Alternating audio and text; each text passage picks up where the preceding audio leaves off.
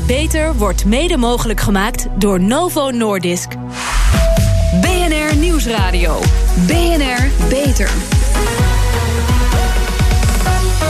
Harmke Pijpers.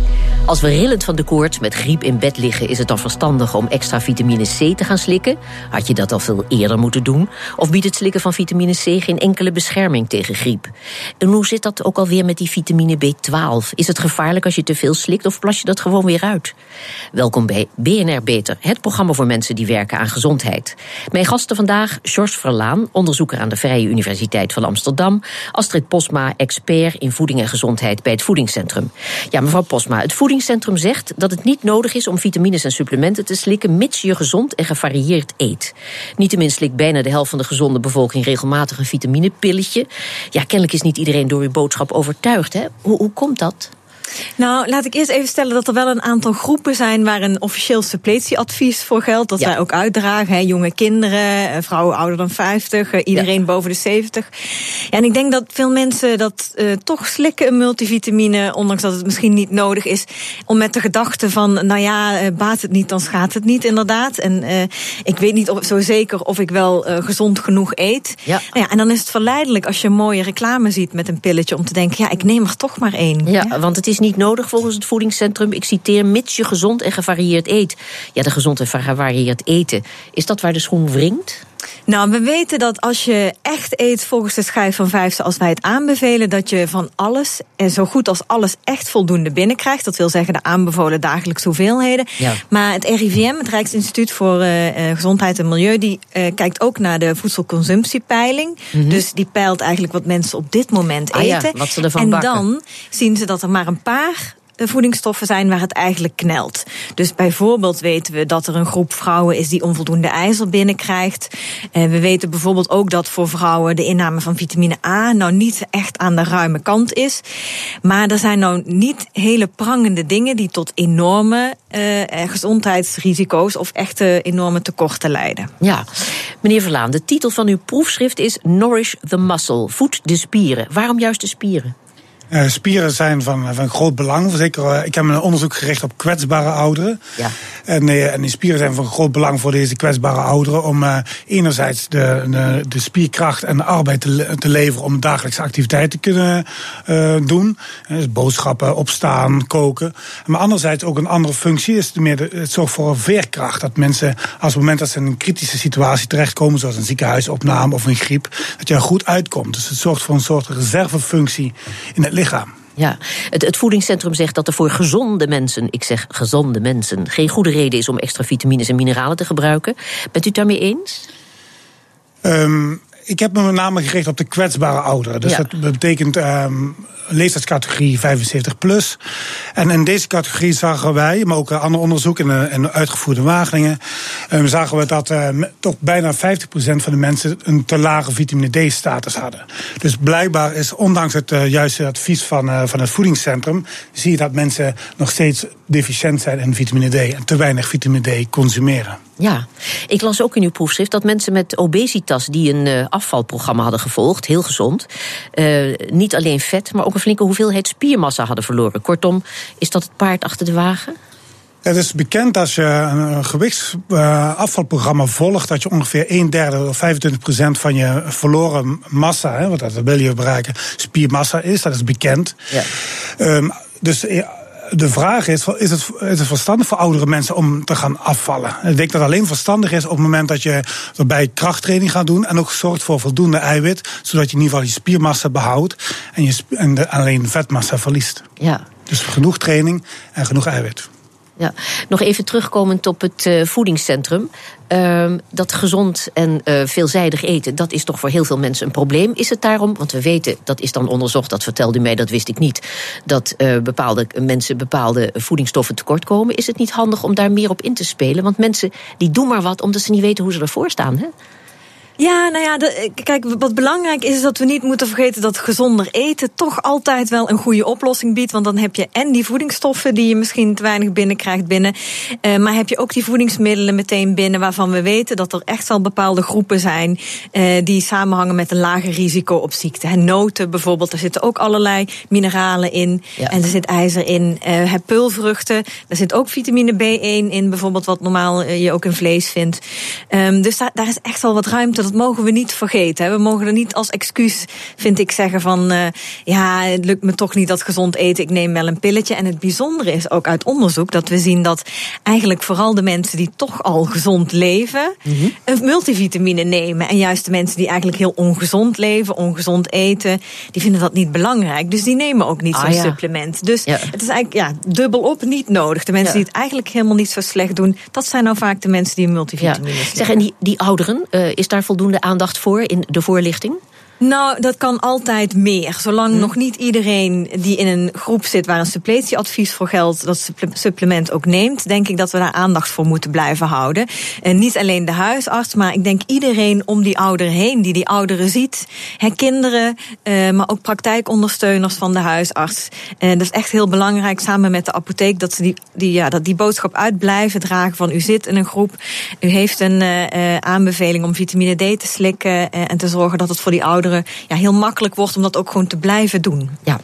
Vitamines slikken wordt door het Voedingscentrum en de Gezondheidsraad afgeraden, behalve voor bepaalde categorieën dan.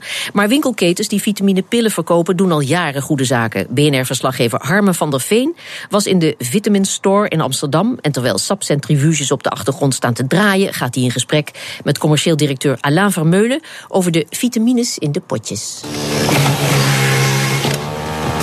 Nou, je hebt uh, de echte vitamine, zullen we maar zeggen. En de vitamine in een potje bij jullie. Smoothies en pillen. Klopt, dan zijn we wat dat betreft een uniek concept in Nederland. Uh, want we geloven in uh, gezonde voeding en, uh, en, bewegen, dat dat de basis is.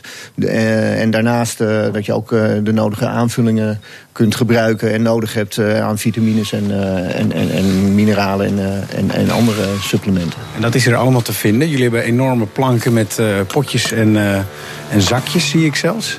Ja. Nou, daar dus het echte fruit, zullen we maar zeggen. Uh, de levende vitamine. En wat zien we hier dan? Want ik begreep dat de meeste klanten hier rechts afslaan naar deze plank.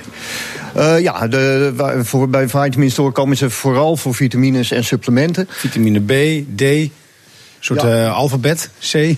Ja, klopt. Losse vitamines, die uh, afhankelijk van je levensstijl uh, kun je, of heb je soms extra losse vitamines nodig. Uh, B12 bijvoorbeeld vegetariërs. Super, of vitamine D3 is belangrijk voor, voor ouderen. Maar Wat loopt nou het hardst? Um, de combinatie van een multimet met nou, D3 is op dit moment zeg maar de, de, de hardslopende losse vitamine die we verkopen. Wat is D3?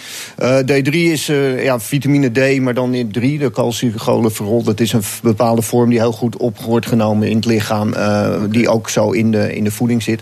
Is dat niet uh, wat je krijgt van de zon, vitamine D, als je lekker, lekker buiten ja, bent? Ja, alleen de zonkracht is daar heel veel belangrijk van. En uh, dat is maar een half, de helft van het jaar dat je voldoende vitamine D door je huid kan aanmaken. Zeker de afgelopen maanden. De afgelopen maanden is het absoluut dramatisch geweest. Dus, dus hoe meer bewolking, hoe meer potjes jullie ja, verkopen? Ja, klopt. Ja, ja, dat, van D, D zeker. En nu met de griep merk je dat veel mensen toch op vitamine vitamine C uh, vertrouwen in terugvallen. Dus dat dat dan weer ook weer nu in deze maand weer veel, veel verkocht wordt. Ja, jullie noemen het ook hier een wintersporttip. Dus jullie ook. anticiperen ook op de wintertijd. ja, klopt. En voor de winter en voor de wintersport heb je nog weer andere, zoals magnesium voor je spieren, ja, die je dan in één keer belast. Dus, dus daar hebben we ook, ook supplementen voor.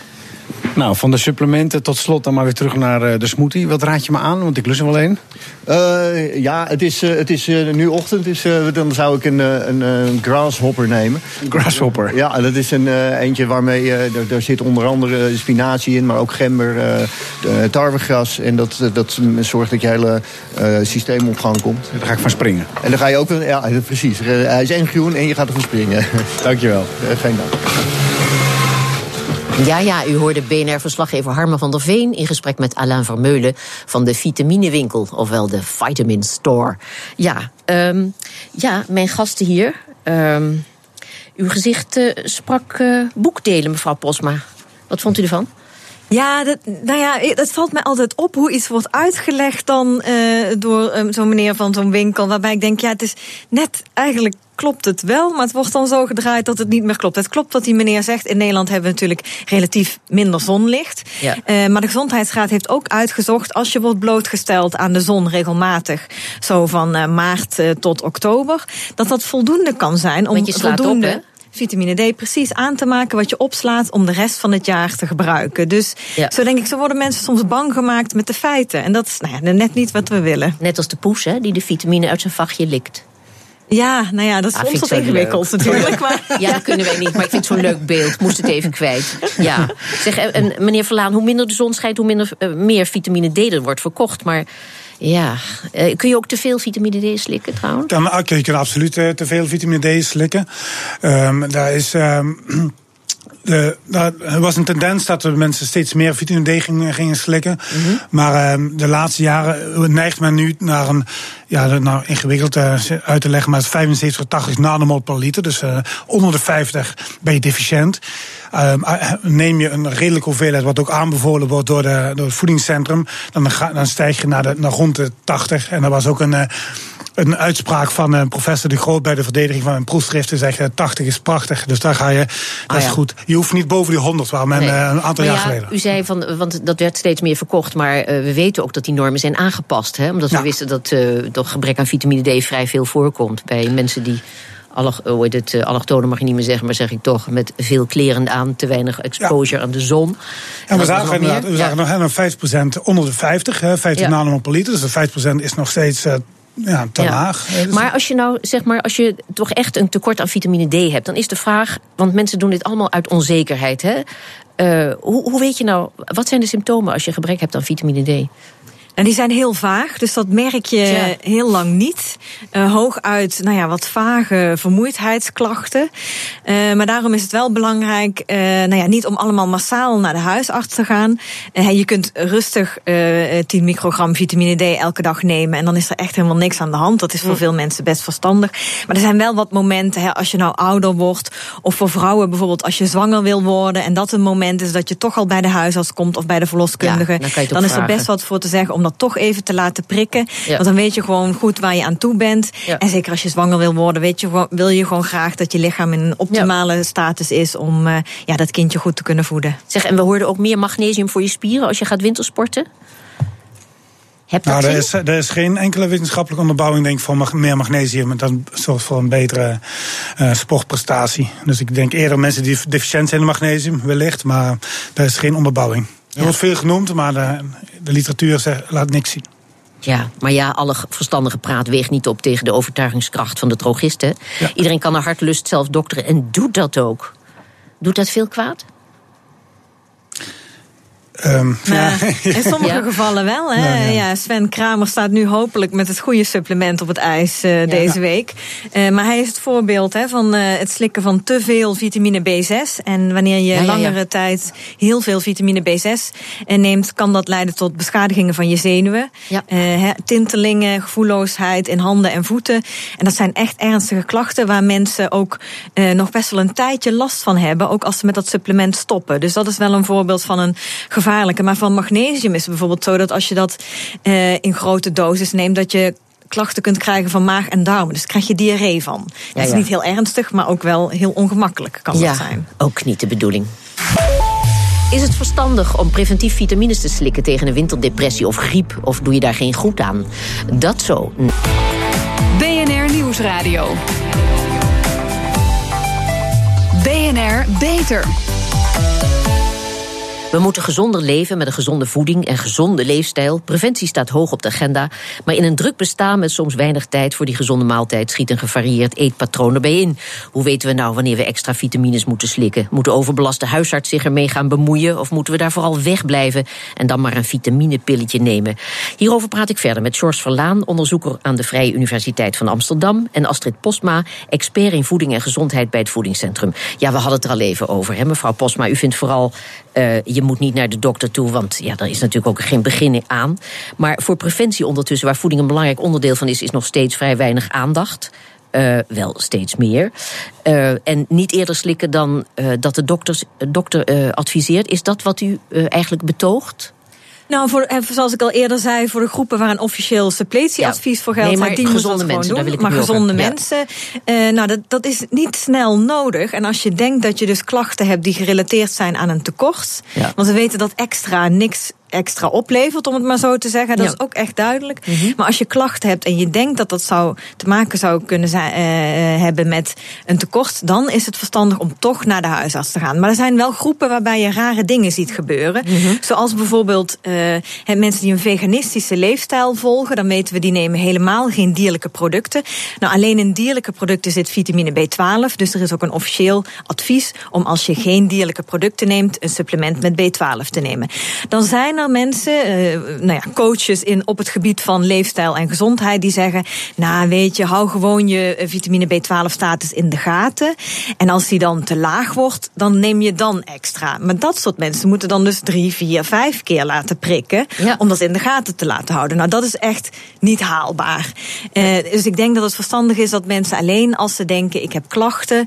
Uh, en niet in zo'n groep vallen waar een supplementieadvies voor geldt. om dan toch naar de huisarts te gaan als je denkt: van ik wil het even laten onderzoeken. En dan overbelasten we het systeem, denk ik ook niet. Um, maar het moet niet zo zijn dat we elk jaar allemaal twee keer gaan, maar voor de zekerheid. Nee, die dokter heeft het al zo druk. En meneer Verlaan, niet slikken totdat je van de dokter anders te horen krijgt. En tot die tijd blijft preventie een hobby voor de zelfdokterende medemens en een goede afzetmarkt voor de pillenbranche? Want dat is het gevolg, hè? Ja, ja ik heb een onderzoek met name gekeken naar kwetsbare mensen, dus kwetsbare groepen. Um, ik denk dan heb je ook te maken met een, een secundaire preventie. Preventie heb je tijdens het ouder worden. Dus dan probeer je iets eh, te voorkomen. Een langere tijd, waar mevrouw Posma net over sprak.